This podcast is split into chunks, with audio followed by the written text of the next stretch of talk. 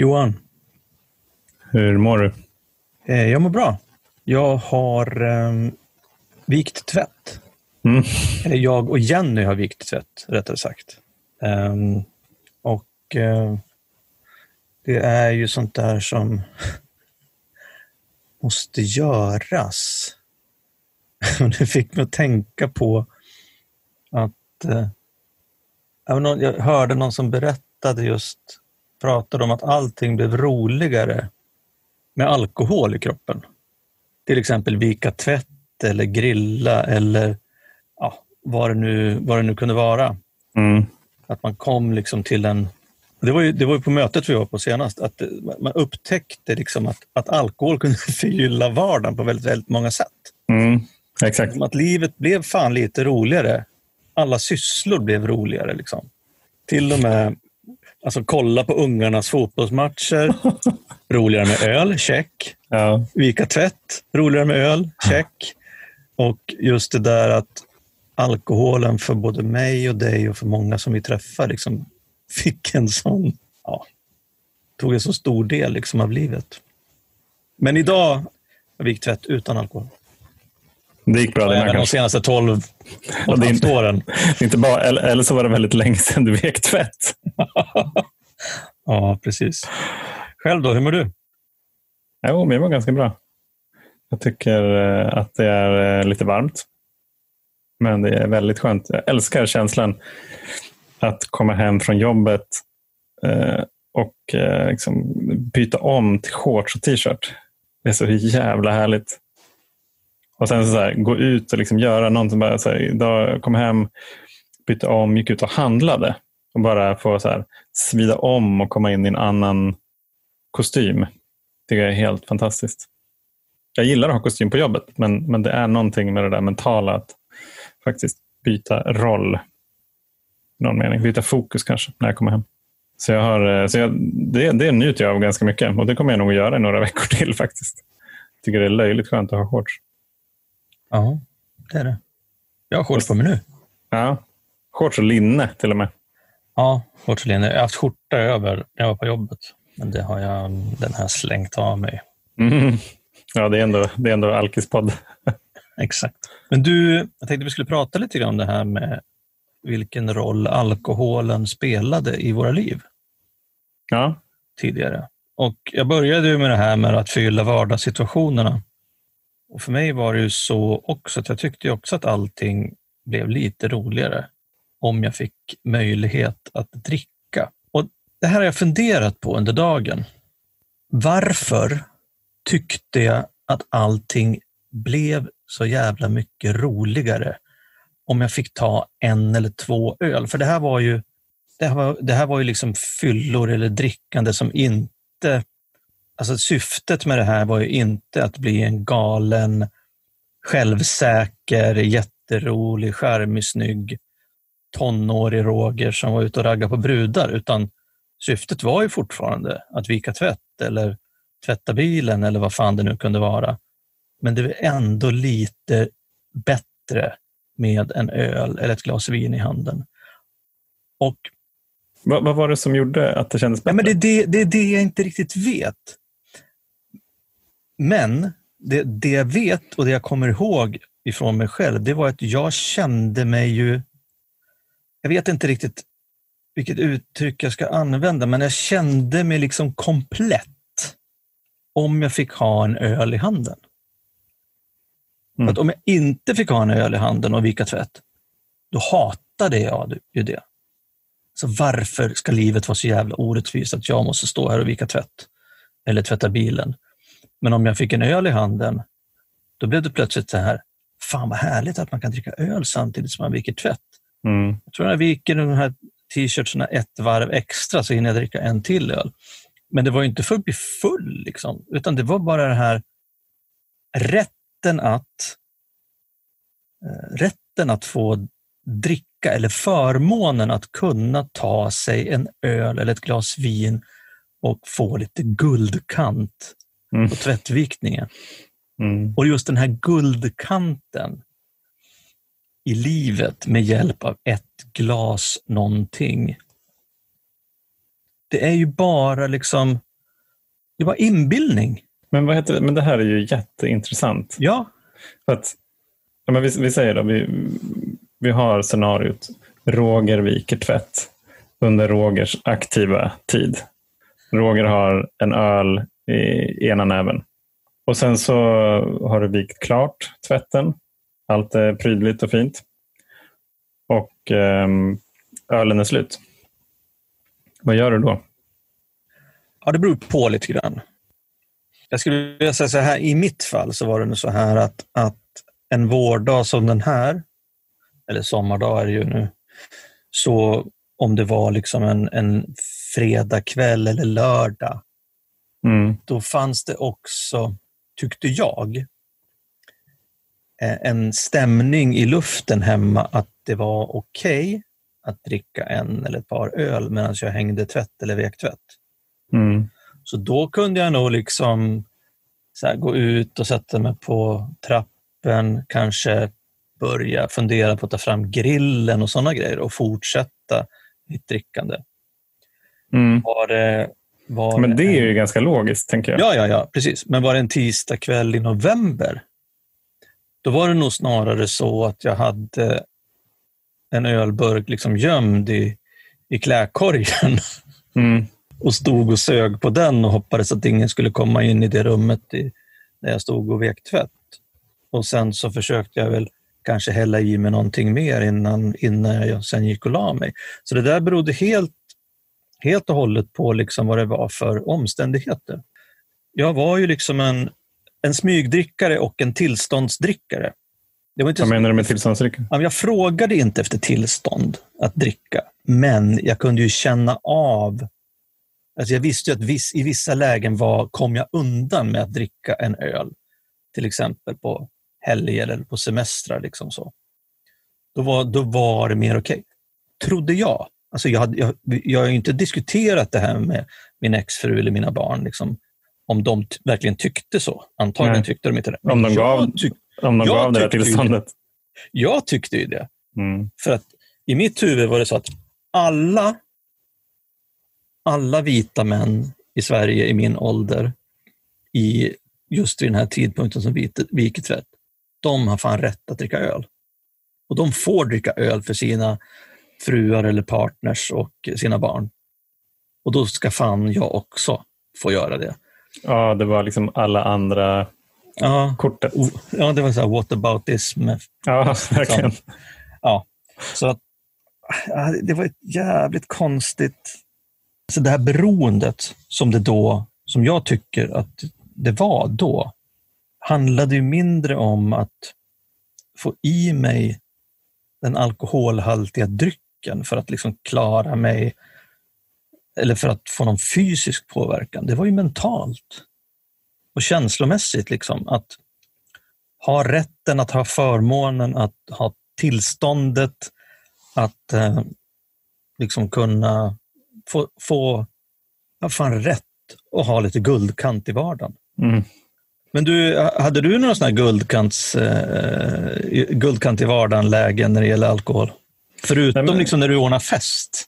Nej, men alltså det, det var liksom därför jag tyckte det var så intressant att utforska lite mer liksom hur du gjorde. För att jag tror inte att, eller så här, för mig så, så var det alltid av eller på. Så mm jag insåg ganska tidigt att så här, om jag tar en öl, då vill jag bara ha fler. Och om jag inte, liksom, om jag inte vill festa, då dricker jag inte en öl. Mm. Så att just det där att, att ta, ta en öl medan jag viker tvätt, då vet jag att äh, men då, då kommer det spåra ur. Fan, tvätt hela lägenheten, ja. trapphuset, på innergården. Ja, nej, men så här, jag kommer väl att göra det där, men, men tvätten i sig kommer att bli ganska ointressant. Det blir mycket mer intressant i så här, okej, okay, tisdag kväll och klockan är kvart i nio. Så bara, hur fan ska jag styra upp en fest nu? Uh, ja, men jag får, får väl hitta någon, någon stackare. Eller så går jag ut och sätter mig och tar, tar en öl själv. Liksom, och är lite så här urban och kontinental. ja, men jag tänker på det. Alltså, vilket jävla jobb du gjorde det här till. Liksom att du alltid var tvungen att få ihop någon social samvaro. Ja, Varför det var... var det så? Liksom? Nej, men, jag, men jag tror att det, det, var nog mitt tillstånd, tror jag. Ja. Att, eh, ja, ja, men det, det, är inte bara jag som tycker att det är nice att gå ut klockan nio på en, på en tisdag. det är faktiskt någon annan, någon annan stackare som är med. Så nu gör vi ändå det här till en, till en social grej, så då är, det inte, då är det inte jag som har problem. Och om jag har problem, då har faktiskt han också problem. För det var nästan alltid en han. Jag försöker sätta mig in i det här. Du hade ändå liksom en... det, fanns någon typ av scenarioplanering. Om du började dricka, då ville du liksom sätta igång hela maskineriet. Mm. Ja, men det ville jag varje gång. Ja. Och då skulle därför... det liksom ringas till människor, det skulle se ut på, ut på krogen och ja, fy mm. fan. Mm. Det var därför det blev en sån slippery slope med, med just den här guldkanten. Alltså jag, jag, tänkte på det också när vi pratade med Anna här för några veckor sedan. Att, eh, att den där liksom, flaskan bubbel hemma, alltså det, det, slutade ju aldrig vid en flaska bubbel för mig. Ändå, liksom det, det slutade alltid medvetslös till slut. Men drack aldrig du, alltså, belönade du aldrig dig själv liksom när du kom hem med att dricka? Ensam? Utan att veta att du skulle iväg på någonting sen? Nej, jag gjorde nästan aldrig det faktiskt. De, ja. de enda gångerna som jag gjorde det, det var när jag visste att jag skulle gå ut. Ja. Så det var, det var det, men då var det en förfest. Ja. Eller en för-förfest kanske det är så jävla spännande att, det är så, att vi alkoholister, både att du och jag, att vi var så totalt jävla olika i våra strategier kring och våra mm. behov mm, kring alkoholen. Det var liksom, för själva syftet var ju inte att få guldkant. Det var ju att, äh, att äh, spränga skallen i bitar. alltså någonstans. Och att, att bara kunna släppa kontrollen. Ja. Det var liksom alltid målet. Men jag tänker på det här, och där, där är vi också lite olika. Vi, för att jag har funderat på det här att, att syftet att dricka alkohol ändrades för mig ganska mm. mycket från liksom jag var tonåring och sen när jag var liksom familjeman och eh, till slut när liksom, innan jag slutade dricka, när jag var verkligen liksom beroende av alkohol. Och alltså, jag har ju sagt tidigare i podden att jag, jag trodde länge att mina tonår, när jag började dricka, jag började dricka hyfsat sent, liksom 15-16. Och tyckte då liksom att jag var som alla andra. Och det, det kanske jag var på ett sätt, men då upptäckte jag när jag drack att jag blev jävligt rolig. Ehm, jag eh, precis som en, snubbe delade om här i måndag, så blev jag, jag blev inte rädd för någonting. Alltså eh, jag, vågade göra vad som helst nästan. Och det kunde handla om att liksom, hålla på med skadegörelse eller prata med tjejer eller mucka med snubbar eller bara typ klättra upp på tak göra liksom små såna här oskyldiga, tyckte jag, då, liksom inbrott på några byggarbetsplatser, liksom bada, klättra över alltså stängsel och sådär. Men det tyckte jag, det trodde jag all, att alla liksom har den upplevelsen. Den här, just bli så här gränslös som du var inne på, mm. eh, när jag drack alkohol. Så att för mig så var ju alkoholen väldigt, väldigt frigörande, rent mentalt. Mm. Alltså tog bort liksom precis alla mina blockeringar och rädslor när jag var tonåring. Och det är väl klart att jag tyckte att det var fantastiskt. Jag tänkte inte så jävla mycket på det när jag var tonåring, att jag tyckte att det var fantastiskt. För jag tänkte att så här är det att dricka alkohol. Ja, exakt. Så det var liksom inte så att jag fick en sån här wow, utan jag bara, jaha, okej, okay, man dricker så blir man så här. Fine. Tänkte du då någonsin att det kunde vara annorlunda för andra? Nej. Och det var det, det min poäng var, alltså länge så tänkte jag att alla andra måste känna samma sak. Mm. När, när kom för du på att det inte var så? Nej, men det, det, har jag kanske kommit på nu de senaste åren, bara när jag tittar tillbaka på det. Att fan, det, det kanske inte var så. Men i mitt gäng, alltså det som jag, de här killarna som var mina bästa kompisar, vi hade ett band till exempel. Där fick jag upplevelsen att där var vi ungefär likadana allihop. Och där var jag absolut inte värst. Mm. Utan vi hade ju några stycken som, var, som blev helt jävla galna på ett roligt sätt eller spännande sätt. Och Det kunde hända vad som helst. liksom. Eh, och eh, både med tjejer och det var, folk fick stryk. Alltså vi gav inte någon stryk, men vi fick ju stryk. Och Vi var ute och det var alltså det kunde hända vad som helst när vi, när vi liksom festade och var fulla. Och, och på den, den tiden, liksom, nu pratar vi ändå alltså 18, 19, 20 år, då drog jag var den som drog i handbromsen lite grann. Fast, eh, fast jag bangade ju liksom aldrig, nästan. Mm. Men då, vi, vi hade ju liksom ett, en, ett kodspråk. För det var ju så här, och det är ju lite grann det du snackar om, det var så här, ja, men ska vi, om man gick ut med någon kille i, det, i vårt band, oavsett om vi var två eller flera, så blev det så här, liksom, vi börjar alltid med, ja, men ska vi gå ut och ta på bärs och snacka lite? Mm. Och det var ju liksom kod för att liksom bli totalt jävla gränslösa. För vi visste ju att det skulle liksom att det skulle hända grejer. Mm. Så att eh, en bärs och snacka lite, det var liksom, det var mayhem. Jag hade och, ju lite olika sådana där. Det var att gå ut och ta en öl till. ja.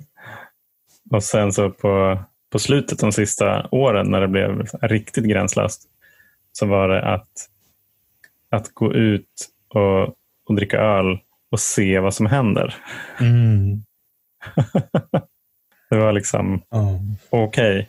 Okay. har, jag, har jag förutsättningar på plats? Yes, jag har pengar på banken. Jag har, jag har ingenting jag behöver göra imorgon. Okej, okay, jag kan, jag passet med? Nej, men det kanske jag inte behöver ha.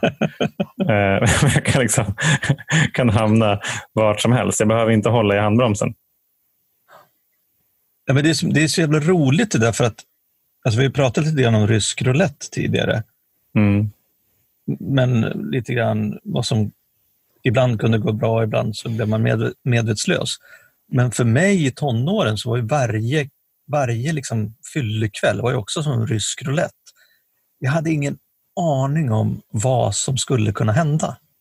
Men jag visste någonstans att det kommer förmodligen jävligt kul. Mm. Fan, vilken härlig känsla. Alltså jag kan fortfarande tycka att det är en väldigt härlig känsla. Ja. Men sen så, jag tycker inte ens att jag drack speciellt ofta när jag var tonåring. Inte mer än någon annan. Men sen kanske vårt gäng festade mycket mer än... Men jag, jag har inte, inte den känslan heller. Men sen var det ju... Ja, jag träffade mitt ex då, min exfru när jag var 21. Och det här har jag berättat förut också, att eh, flera av mina kompisar pratade med henne och tyckte att det var så bra att vi hade blivit ihop för att jag behövde någon som tog hand om mig för att jag var ju alltid så jävla full. Mm. Och jag, bara, what a catch! Och jag, och jag köpte liksom inte den analysen. Jag bara, va? Mm. Men de är ju lika fulla. Alltså det var min bild av alla som jag festade med. Att de, alla andra var lika fulla. Mm. Jag blev ju så full så att jag trodde väl att alla var lika fulla som jag var. Ja, det är en klockren strategi. Och tänkte att alla ville göra lika dumma grejer som jag, var, som jag ville och vara lika gränslösa. Och i mitt gäng där så var vi ju så. Mm.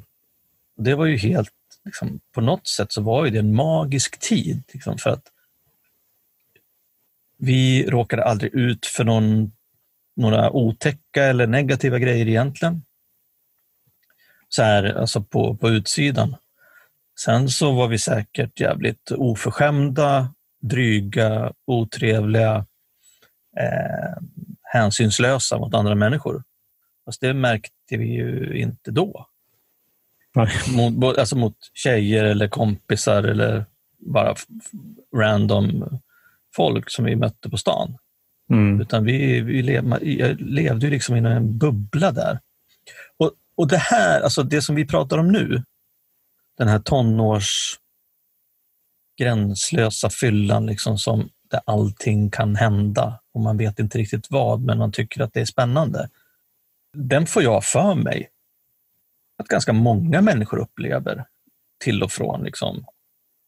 Sen kanske det var mm. extra mycket för mig, jag vet inte. Jag vet inte. Men, så det var ju, det var ju liksom min introduktion, det var ju för första fasen, alkohol som den här frigöraren. Mm. Den här, det här spännande rouletthjulet som gjorde att vad som helst kunde hända. Och, eh, och så lärde jag mig att alkohol var. Då tänkte jag så här är alkohol. Det, det, det är därför alkohol finns. För att, för att jag och andra människor ska kunna uppleva de här fantastiska grejerna. Och mycket alltså i början, i början där, alltså det var ju den här gränslösheten, det ledde ju till att jag ville hångla med alla tjejer. Och vi i, vårt, i, i gänget, i bandet, vi hade också en grej att vi hånglade med varandra. Mm.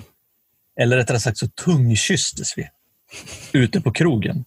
Ja, Bar, mest bara för att provocera människor. Ja, men eh, alltså det, det, var, det var vår grej. Liksom, och eh, och eh, alltså, totalt så här, hämningslös och gränslös. Och då tänkte jag att det vill alla ha. Det är därför mm. alkohol finns. Men sen så växte, alltså jag blev tillsammans med min exfru, det blev mer och mer alltså kanske villa eller lägenhetsfester. Det blev kanske parmiddagar. Och eh, lite mer städat då, någonstans där när man var 20-25. Mm. Sen fick vi barn då när jag alltså var 25. Det är, det är ganska men, tidigt. Men, ja, ja, visst, det är tidigt. Um, och jag pluggade ju för sig då i Uppsala, pendlade då tills jag var 25 också. Men där någonstans liksom i det här att jag slutade gå ut på lokal mm. eh, själv, säg 25-årsåldern. Så efter det så blev det liksom hemmafester och middagar och sånt där. Jag ville ju fortfarande dricka. Alltså mitt behov, min, min drivkraft att få i mig alkohol var ju fortfarande i princip lika stor. Men jag ville ju, det var inte, det var inte rysk roulette då. För jag ville Nej. ju inte hångla med min bästa kompis fru. Jag ville liksom inte pissa på barnen. Alltså, jag, ville, jag, ville inte, jag ville inte uppnå samma effekt som jag visste att alkoholen hade gett mig i tonåren. Och jag vet inte hur det där hände. Om det var liksom, jag tänkte okej okay, nu blir jag vuxen, men jag vill fortfarande dricka. Men då, jag var fortfarande rolig, tänkte jag. Och jag kände mig jävligt mjuk och skön när jag, när jag fick i mig vin och öl på middagar och sånt där. Men det är väldigt intressant just med liksom vad, är, vad är mål och vad är medel? Någonstans i det här.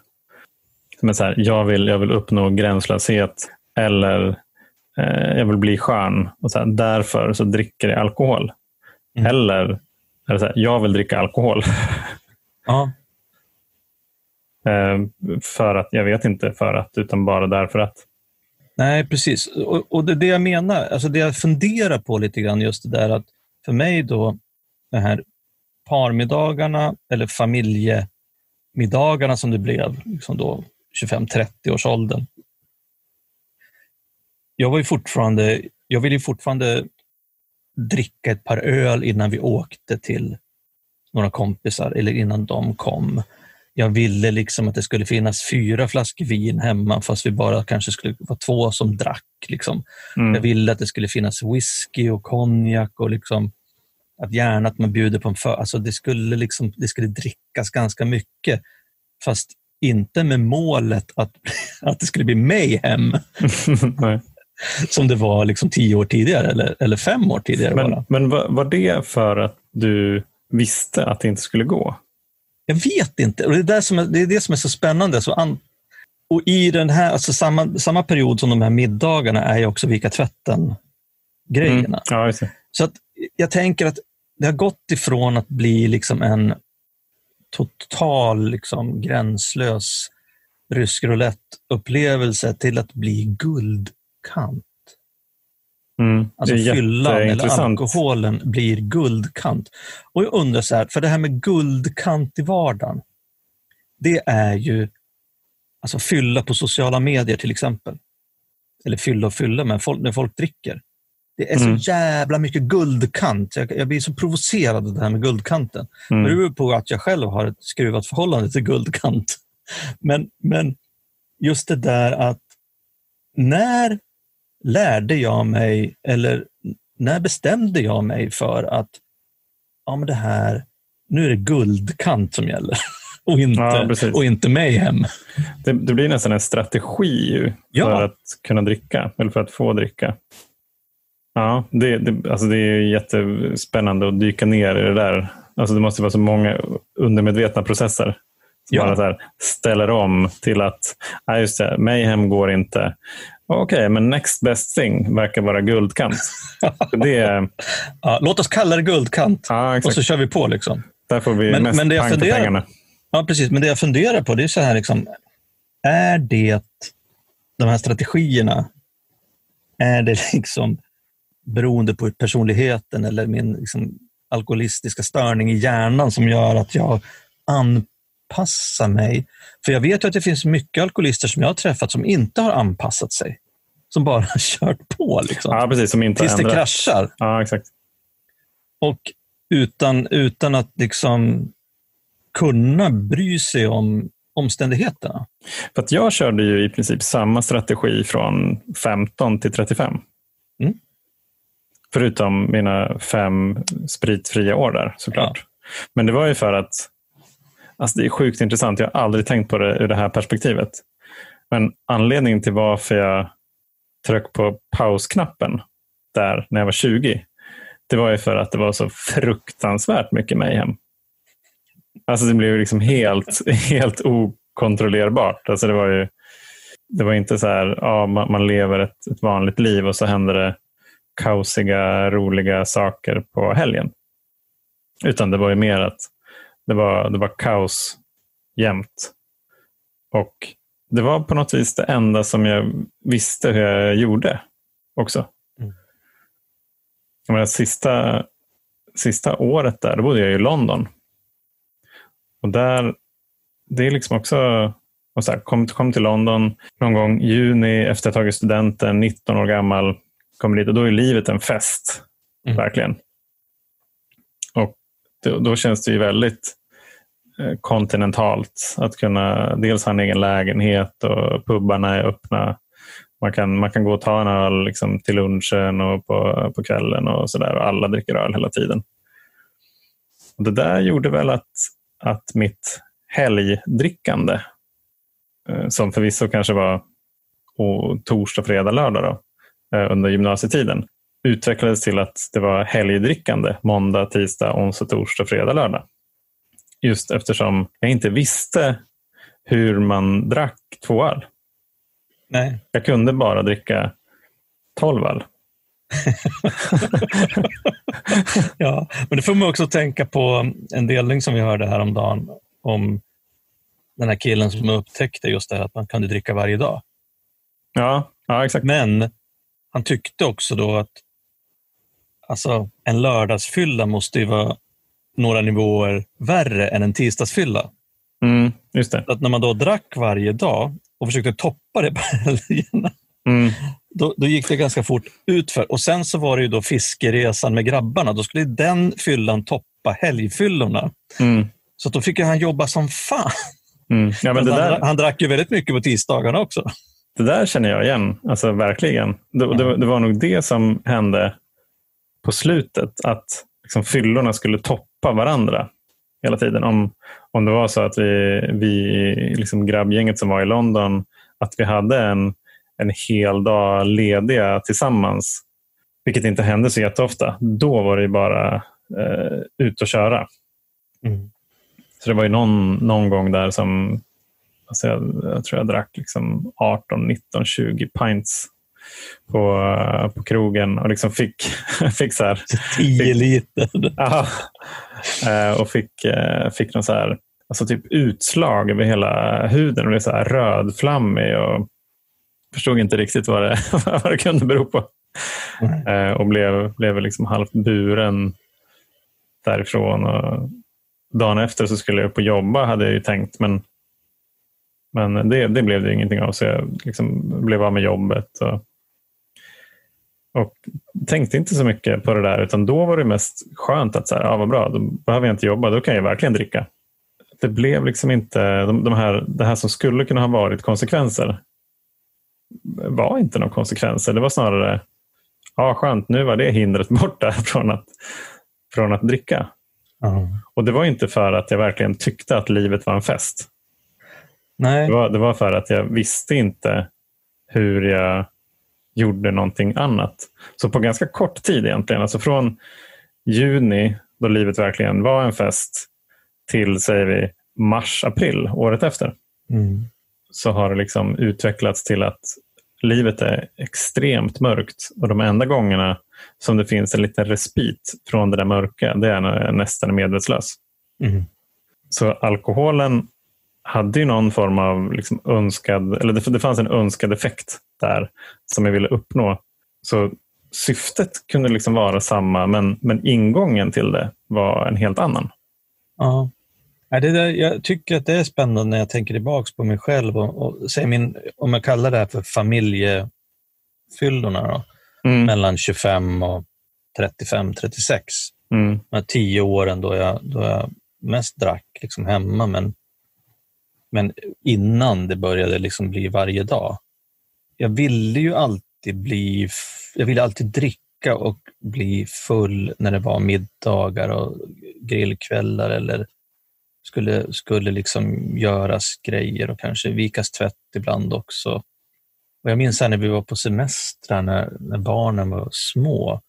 Jag ville ju alltid köpa en påse öl och ta med till stranden. Liksom och gräva ner i sanden så jag kunde sitta liksom och suga på sex öl från klockan tio på morgonen till tre på eftermiddagen. Inte för att jag skulle bli full, utan jag vet, jag vet inte liksom varför. Det är det som är så sjukt. Alltså jag, kunde, jag hade liksom inga, inga egentliga anledningar mer än att jag ville dricka. Liksom. Mm. Och det där är så jävla läskigt nu när jag tänker på det i efterhand för att det var mer medlet att dricka alkohol än målet som blev viktigare för mig. Ja, exakt. Och det, jag, är inte, jag, är, jag har väl liksom funderat på det men jag har liksom aldrig, som vi gör nu, liksom grävt i det på det här sättet. Och jag tycker att, och egentligen skulle man kunna säga så här att ju äldre jag blev och ju mer alkoholist jag blev, desto mindre drack jag. Alltså Mm. mängd, mängdmässigt. För jag behövde varje dag få, få till stunder där jag kunde dricka. Men jag, jag alltså mina, mina mayhem-ögonblick de sista liksom tio åren i, i mitt aktiva liv, det är ju jävligt tragiska och läskiga may, mayhem-ögonblick där jag liksom Mm. har sårat människor i min närhet, min familj, människor jag älskar. Men det är inte så jävla många, det är kanske en handfull. Liksom. Mm. Medan i mina tonår så var det en handfull i veckan när det var mayhem. Mm. Och då, liksom, då fanns det inga konsekvenser. Så det, är så- det är så det är sjukt det där hur... Och när jag var tonåring så var jag heller inte besatt av att dricka. Även fast jag då kanske, som man tittar objektivt på det, fick ut mest av det Mm. då. Och det beror väl på, gissar jag, så här att, att ja, men mitt beroende hade liksom inte satt igång. Den mentala besattheten hade liksom inte utvecklats. Ett, mitt kemiska beroende, som jag kanske hade på slutet, då, i och med att jag inte jag, jag var tvungen att dricka varje dag, som lite, få i mig lite grann, det fanns inte. Och, och det är så, så jävla lurigt det där. Och samtidigt som ja, både du och jag, då, att vi har byggt någon typ av yrkeskarriär och, och har fasader och bygger upp liksom bevis på eller bygger upp liksom sociala strukturer som, som gör att, att inte ens vi själva kan se att vi är alkoholister. Liksom. Mm. För att vi, vi är inte i en klassisk alkoholistmiljö. Nej, precis. Vi har byggt liksom de här väggarna, murarna runt omkring oss som gör att ja, men, han är ju framgångsrik, han äger egen byrå, han är liksom managementrådgivare, han bor där och han har det och de har det. Liksom så här. Det kan väl inte vara så farligt. Men han Mm. borde faktiskt tänka på att inte dricka så mycket. Mm. Samtidigt som i mitt huvud och i mitt känsloliv så, så eskalerade det eller, eller gick ut för ganska fort liksom, på slutet där. De sista åren innan jag slutade dricka. Och då, alltså då fick jag ju inte egentligen ut någonting av alkoholen förutom att jag kände att jag hade druckit alkohol. Och den känslan att jag hade fått alkohol i mig, både smaken och värmen och det här liksom att det svider lite i bröstet beroende på vad man dricker. Och att jag kanske blev lite luddig. Det fick mig att känna mig fri och lycklig. Även fast Mm. jag mådde så jävla dåligt. Så då var den, då var liksom att jag hade återigen tagit eller skapat mig möjligheten att få hälla i mig alkohol. Liksom. Alltså jag tänker, eh, tänker tillbaka på hur det var där. Alltså just den här förflyttningen från livet är en fest till att livet är mörkt. Mm, Och hur jäkla okreativ jag var där på slutet. Men det är egentligen helt sjukt. Jag var i London i nio månader och jag såg aldrig Big Ben. Alltså jag såg aldrig någonting av de här turistgrejerna. Josefina blev ju jätteöverraskad när vi åkte dit. När jag fyllde 30 tror jag. Så köpte hon, efter en så här överraskningsresa till London. Så åkte vi dit. Så tänkte hon att ja, men hon, jag kan ju guida henne till de här olika ställena. Så, jag, jag vet inte, jag har liksom aldrig sett det. Hon bara, du har bott i London. ja, men eh, jag, så, jag har sett massa pubbar. Och framförallt pubbar eh, i Camden och eh, North Holloway. Där har jag sett en massa pubbar. Så det var ju det som var London för mig. Jag hade ju lika gärna kunnat vara alltså, vart som helst. Det spelade ju ingen roll. Men alltså, eh, du har ju pratat någon gång om den här konen, den här liksom inåtvända konen. Ja. Och, och så, så var ju verkligen känslan där eh, när jag var innan jag åkte hem från London. Att jag kan inte göra någonting. Alltså jag, ett, ett tag så hade jag liksom, det var, det var som att jag hade festat så mycket och, och liksom velat stänga av hjärnan så mycket så att den var permanent avstängd. Så att jag, jag, jag visste inte hur man pratade med folk på jobbet. Nej, just det. Jag, jag, jag förstod inte liksom vad, vad är det folk pratar om. Alltså det, var ju, det var ju skitläskigt. Och det där, det där höll ju i sig i kanske sex till nio månader. Eller någonting. Och det var ju det som gjorde att jag, att jag eh, slutade dricka den gången. För att jag var verkligen, jag blev rädd helt enkelt. Men vad tänkte du då liksom inför det här uppehållet? Alltså, vad hade du för känsla för att sluta dricka? Hur tänkte du att ditt liv skulle bli? Hur tänkte jag egentligen att livet skulle bli? Alltså det, var, det var ju verkligen, eh, det, det fanns inte så mycket så framtidsutsikter egentligen. Jag hade, ju, jag hade en, en flickvän då som var från Australien som också bodde i London och så skulle hon fortsätta resa i Europa. Jag tänkte så här, jag kan ju kanske jobba som städare på ett vandrarhem. Det var, det var ungefär liksom den, den nivån av jobb som jag tänkte att jag kunde utföra. Och sen så spelade det inte så stor roll bara jag fick vara med henne. Ungefär. Så att eh, liksom redan där, eller så här, säkert långt innan, så var det som att relationerna i mitt liv var det som skulle rädda mig. Ja, just det. Men jag fattade väl liksom någonstans. Alltså så här, jag hade ju minnen av att det inte var så. Jag hade ju minnen av ett liv som jag hade haft innan. Där jag faktiskt kunde prata med människor. Så jag ville liksom tillbaka dit. Eh, och sen så fattade jag inte hur jag skulle, hur jag skulle få ihop det att jag då var 20 någonting och, skulle börja ta ansvar och veta vad jag skulle bli när jag blir stor och så här. Så det, var, det var bara extremt, extremt förvirrat skulle jag vilja säga. Mm. Jag hade liksom verkligen ingen aning om någonting. Och det var ju liksom i samma veva som jag började gå i den här mormonkyrkan också. Och så här, ja, men där kanske det finns något svar, tänkte jag. Men så var det ganska skönt att så komma hem Eh, mamma skrev in mig på den här utbildningen som jag började eh, först motvilligt, sen väldigt välvilligt. Men då, då testade jag att dricka igen under det där liksom några gånger. Så jag höll på liksom med den där med, med kyrkan och där fick man absolut inte dricka. Och sen så mitt, mitt någonstans beslut som väl inte var något så här hugget i sten beslut utan det kanske är nice att inte dricka. Jag fattar att jag inte, att jag inte kan. För det blev verkligen liksom blackout varje gång jag drack. Eh, det spårade liksom allt ur. Och då, då vill jag ju tillbaka till de här stunderna där, där jag hade mått så jävla bra med alkohol. Alltså jag verkligen så romantiserade hur det kändes och, och jag satte väl mig själv också in i någon form av kontext. Där, så här, 20 år, pluggar. Jag borde väl kunna gå ut och dricka.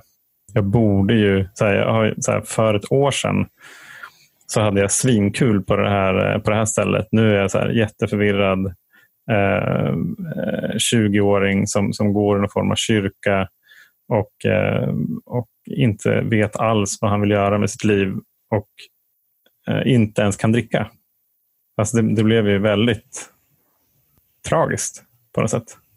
Men jag, jag fick väl tillräckligt många empiriska bevis för, att, för att varje gång jag dricker så, men, så men var det, blir det var väldigt mycket bra. Var det i det läget som du sen beslutade för att du skulle satsa liksom 100 på studierna? Ja, exakt. Och det var väl det var i samma veva. Att du kanske behövde någonting att fokusera på i all den här förvirringen. Ja, exakt. Men det var väl ganska skönt. för att det, det var ju som liksom två kurvor som mötte varandra. En gick upp och en gick ner. Mm. Och den här uppåtgående kurvan, det var, det var typ matematik, eh, kemi, mm. fysik. Liksom grejer som jag, som jag hade kunnat någon gång, men som jag hade supit bort intresse för under gymnasiet ungefär. Mm.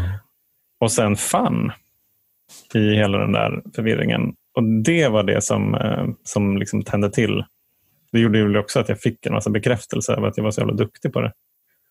Så att liksom då, så liksom den drogen funkade ju. Ja. Det är lite grann, lite grann, eller lite grann, det är ganska mycket som det vi pratade om med, med Alex förra veckan. Just det där att ja, men eh, den mentala besattheten är svår att bli av med mm. lättare att föra över på ett nytt ämne. Och i ja, ditt fall här är positivt som studier, fast kanske på ett inte speciellt, eh, kanske lite destruktivt sätt.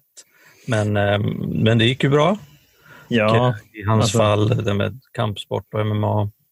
Mm. Så att den här mentala besattheten kring alkohol, den är ju svår att liksom bli av med just de, om vi kallar det för mekanismerna eller synapserna som jag, som jag har liksom mm. i hjärnan, som gör att jag kan bli liksom mentalt besatt av saker och ting. Mm. Och sen frågan, är det då är det då beroende? Är det det som är... Ja, det är ju en del av min alkoholism förstås. Men är det bara vi alkoholister som är så? Alltså tittar jag mig runt omkring så tänker jag nej. Inte bara, tror jag inte. Inte bara. Men en, en sak som jag reflekterar över också nu när vi pratar, alltså det är ganska intressant med våra samtal.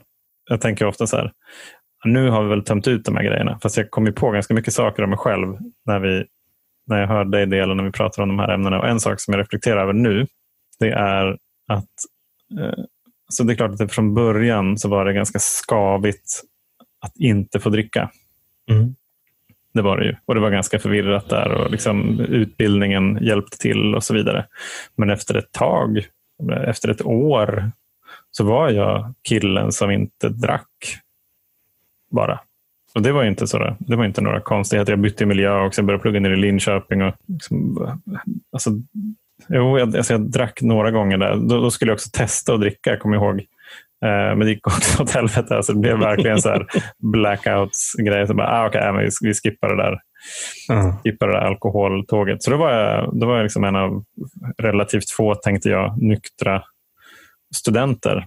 Och det blev väl också någon form av identitet. Och det var inga, jag hade inte, det var inga konstigheter för mig att liksom iklä med den rollen. Eh, samtidigt som det såklart fanns också ett, ett väldigt stort bekräftelsesyfte med att göra det och kunna verkligen plugga 70 timmar i veckan.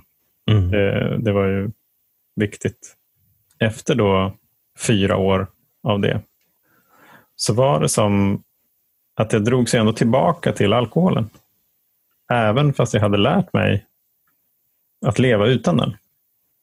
Och det var för att jag kände, verkligen genuint kände, att livet inte var komplett. Att jag, det var liksom som att jag hade mer att ge och ni skulle bara veta vad jag kan och liksom vem jag är när jag får dricka alkohol. Ja, men eh, du försökte ju ändå berätta det för japanerna, har jag förstått. Ja, absolut. Och då brukade du säga på japanska? Eh, ja, vad sa jag då? Eh, osake ga nomenai kedo, eh, seigyo dekinai. Som då översatt till svenska betyder ungefär? Ja, men som betyder jag kan inte dricka alkohol för jag förlorar kontrollen. Fantastiskt. Ja.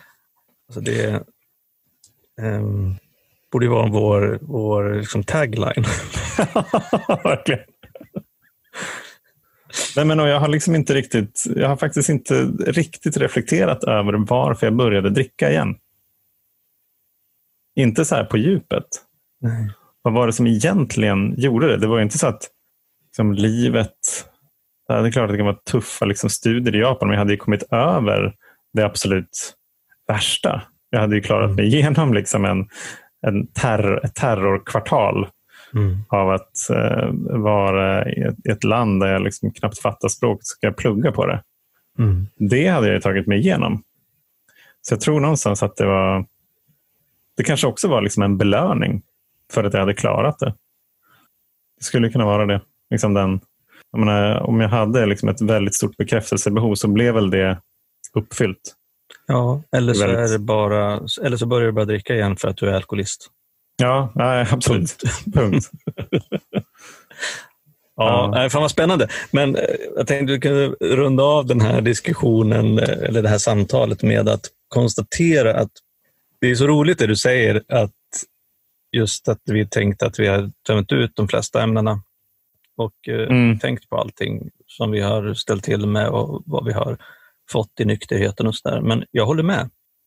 Och när du, när du pratar nu så, så funderar jag på så här att ja, men om så finns det något sätt, alltså en eh, terapeutisk metod som gör att, att vi redan på eh, första gången vi börjar prata om de här grejerna liksom kan nå ner till det här djupet som vi är i nu. Och då tänker jag så här, ja det kanske det finns. Men det som är så jävla häftigt med framförallt Alkispodden, men också samtal med andra i gemenskapen, det är ju det här liksom utforskandet ifrån empiri, det vill säga att vi har varit med om de här Mm. grejerna själva, men vi har kanske inte den psykologiska eller känslomässiga kunskapen och har förstått vad vi har varit med om. Men genom att vi delar det här och pratar med varandra så blir det liksom ett utforskande samtal som kanske vetenskapligt är lite fel på kartan. Men det Mm. hjälper mig i alla fall otroligt mycket att få möjligheten att liksom börja tänka på grejer ett andra och ett tredje och ett fjärde varv. Liksom. Mm, absolut. Ja, jag, jag, jag tror också att det handlar om att jag inte liksom rent mentalt kan, kan tillgodogöra mig eller så här, se allt om mig själv på en gång. Nej, exakt. Det, det, måste, det finns ju någon liksom spärr för det, annars går jag nog in i en djup psykos eller någonting. Om jag skulle få liksom alla de där sanningarna bara se det rakt i vitögat. Nej, men det är väl, det är väl också min, eh, min erfarenhet av det här. att jag, För jag har ju nu efter... Jag har ju börjat jobba i stegen igen. Mm. håller på med första steget nu igen. Just för, Ja, att, fint. jag, just för att jag tänker så här att eh, när, när jag gjorde stegen förra gången så hade jag liksom inte den här mentala kapaciteten att, att liksom få upp allting. Eller fatta allting ens. Och det är ju en av de, de finurliga grejerna att vara med i en tolvstegsgemenskap och jobba i programmet. Man kan göra det om och om igen Mm. och så länge man lever. Bara bli utvecklas och utvecklas. Det är magiskt. Ja, det är magiskt. Jag hoppas att våran, den här utgrävningen i alkoholens påverkan och betydelse för oss under vår aktiva, våra aktiva liv även kan ha gett eh, eventuella lyssnare någonting. Det, det gav mig någonting. Ja, mig med. ja. Men det som är roligt, det som du säger, det är det här att jag menar, vi sitter här och pladdrar på och kör våra fyllesnack och, och funderar och utforskar oss själva. Liksom. Och när du pratar får jag, speglar jag mig själv och börjar tänka på saker. Och, och likadant du som du har nämnt, liksom att börja reflektera över sig själv. Förhoppningsvis så kanske det också finns lyssnare där ute som gör det. Mm. Det vore ju fantastiskt. Mm. Så om det är så, ni som lyssnar, att ni faktiskt har kommit på nya grejer om er själva när ni har lyssnat på Alkispodden, dela gärna med er. Det vore ju fantastiskt att höra. Ja, gör det. Och vi har ju fortfarande, alltså det, jag tycker det är jättekul. Jag blir så himla glad alltså att vi fortsätter få in mejl till vår alkispodden, gmail.com, och till Messenger och Instagram. Det har blivit ett, så här, ett riktigt lördagsnöje, eller så här ett helgnöje att eh, få sitta ner i lugn och ro och eh, läsa igenom, liksom svara, svara på, på mejlen. Det är helt fantastiskt. Jag trodde du skulle säga att du blivit mentalt besatt av att kolla på hur många som har hört av sig till Alkispodden. Nej, inte än. Men det som är så skönt eh, och så härligt är att så faktiskt idag så fick vi ett meddelande från en lyssnare som berättade att eh, hon firade ett och ett halvt år idag. Ja, just det. Och eh, tackade Alkispodden för vägen till, till ett nyktert liv. Som åtminstone kanske vi har kanske haft en liten del i det i alla fall. Mm. Men det är ju, det är ju så sjukt härligt och eh, hedrande och rörande att få sådana meddelanden. Ja, verkligen. Det är fint. Ja, jag, jag måste nästan smälta den här. Det, det känns liksom i magen Mm. att eh, gräva. Ja. Det är skönt att vi får göra det till utgrävningar ibland. De här gamla relikerna. ja. Ja, vi, ska ju inte stänga dörren om vårt tidigare liv. Eh, gravplundring. men, precis, men måste, man, måste man gravplundra? Ja. No. ja, nej, tack Johan. Eh, Tack Roger. Jävla skönt att få snacka om de här grejerna. Ja, Sa vi att vi ville att folk skulle fortsätta höra av sig? Ja, det jag vi. tror det. Ja. Ja, då får vi önska en skön helg till allihop. Ja. Ha det fint hörni. Ta hand om er. Kram. Hej då!